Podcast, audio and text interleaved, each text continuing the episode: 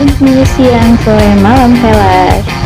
Saya akan bercerita sedikit mengenai kita lagi podcast ini. Jadi, podcast ini diasosiasi oleh tiga orang anak muda.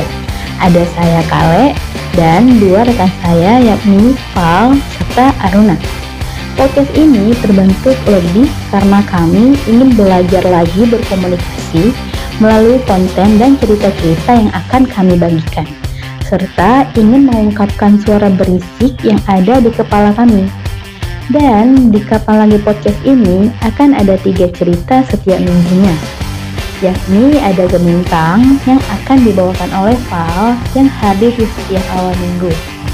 Senandika atau Senandung Cerita Kita yang akan dibawakan oleh Aruna hadir setiap Rabu malam, serta Kale Bercerita yang akan dibawakan oleh Kale hadir di setiap malam.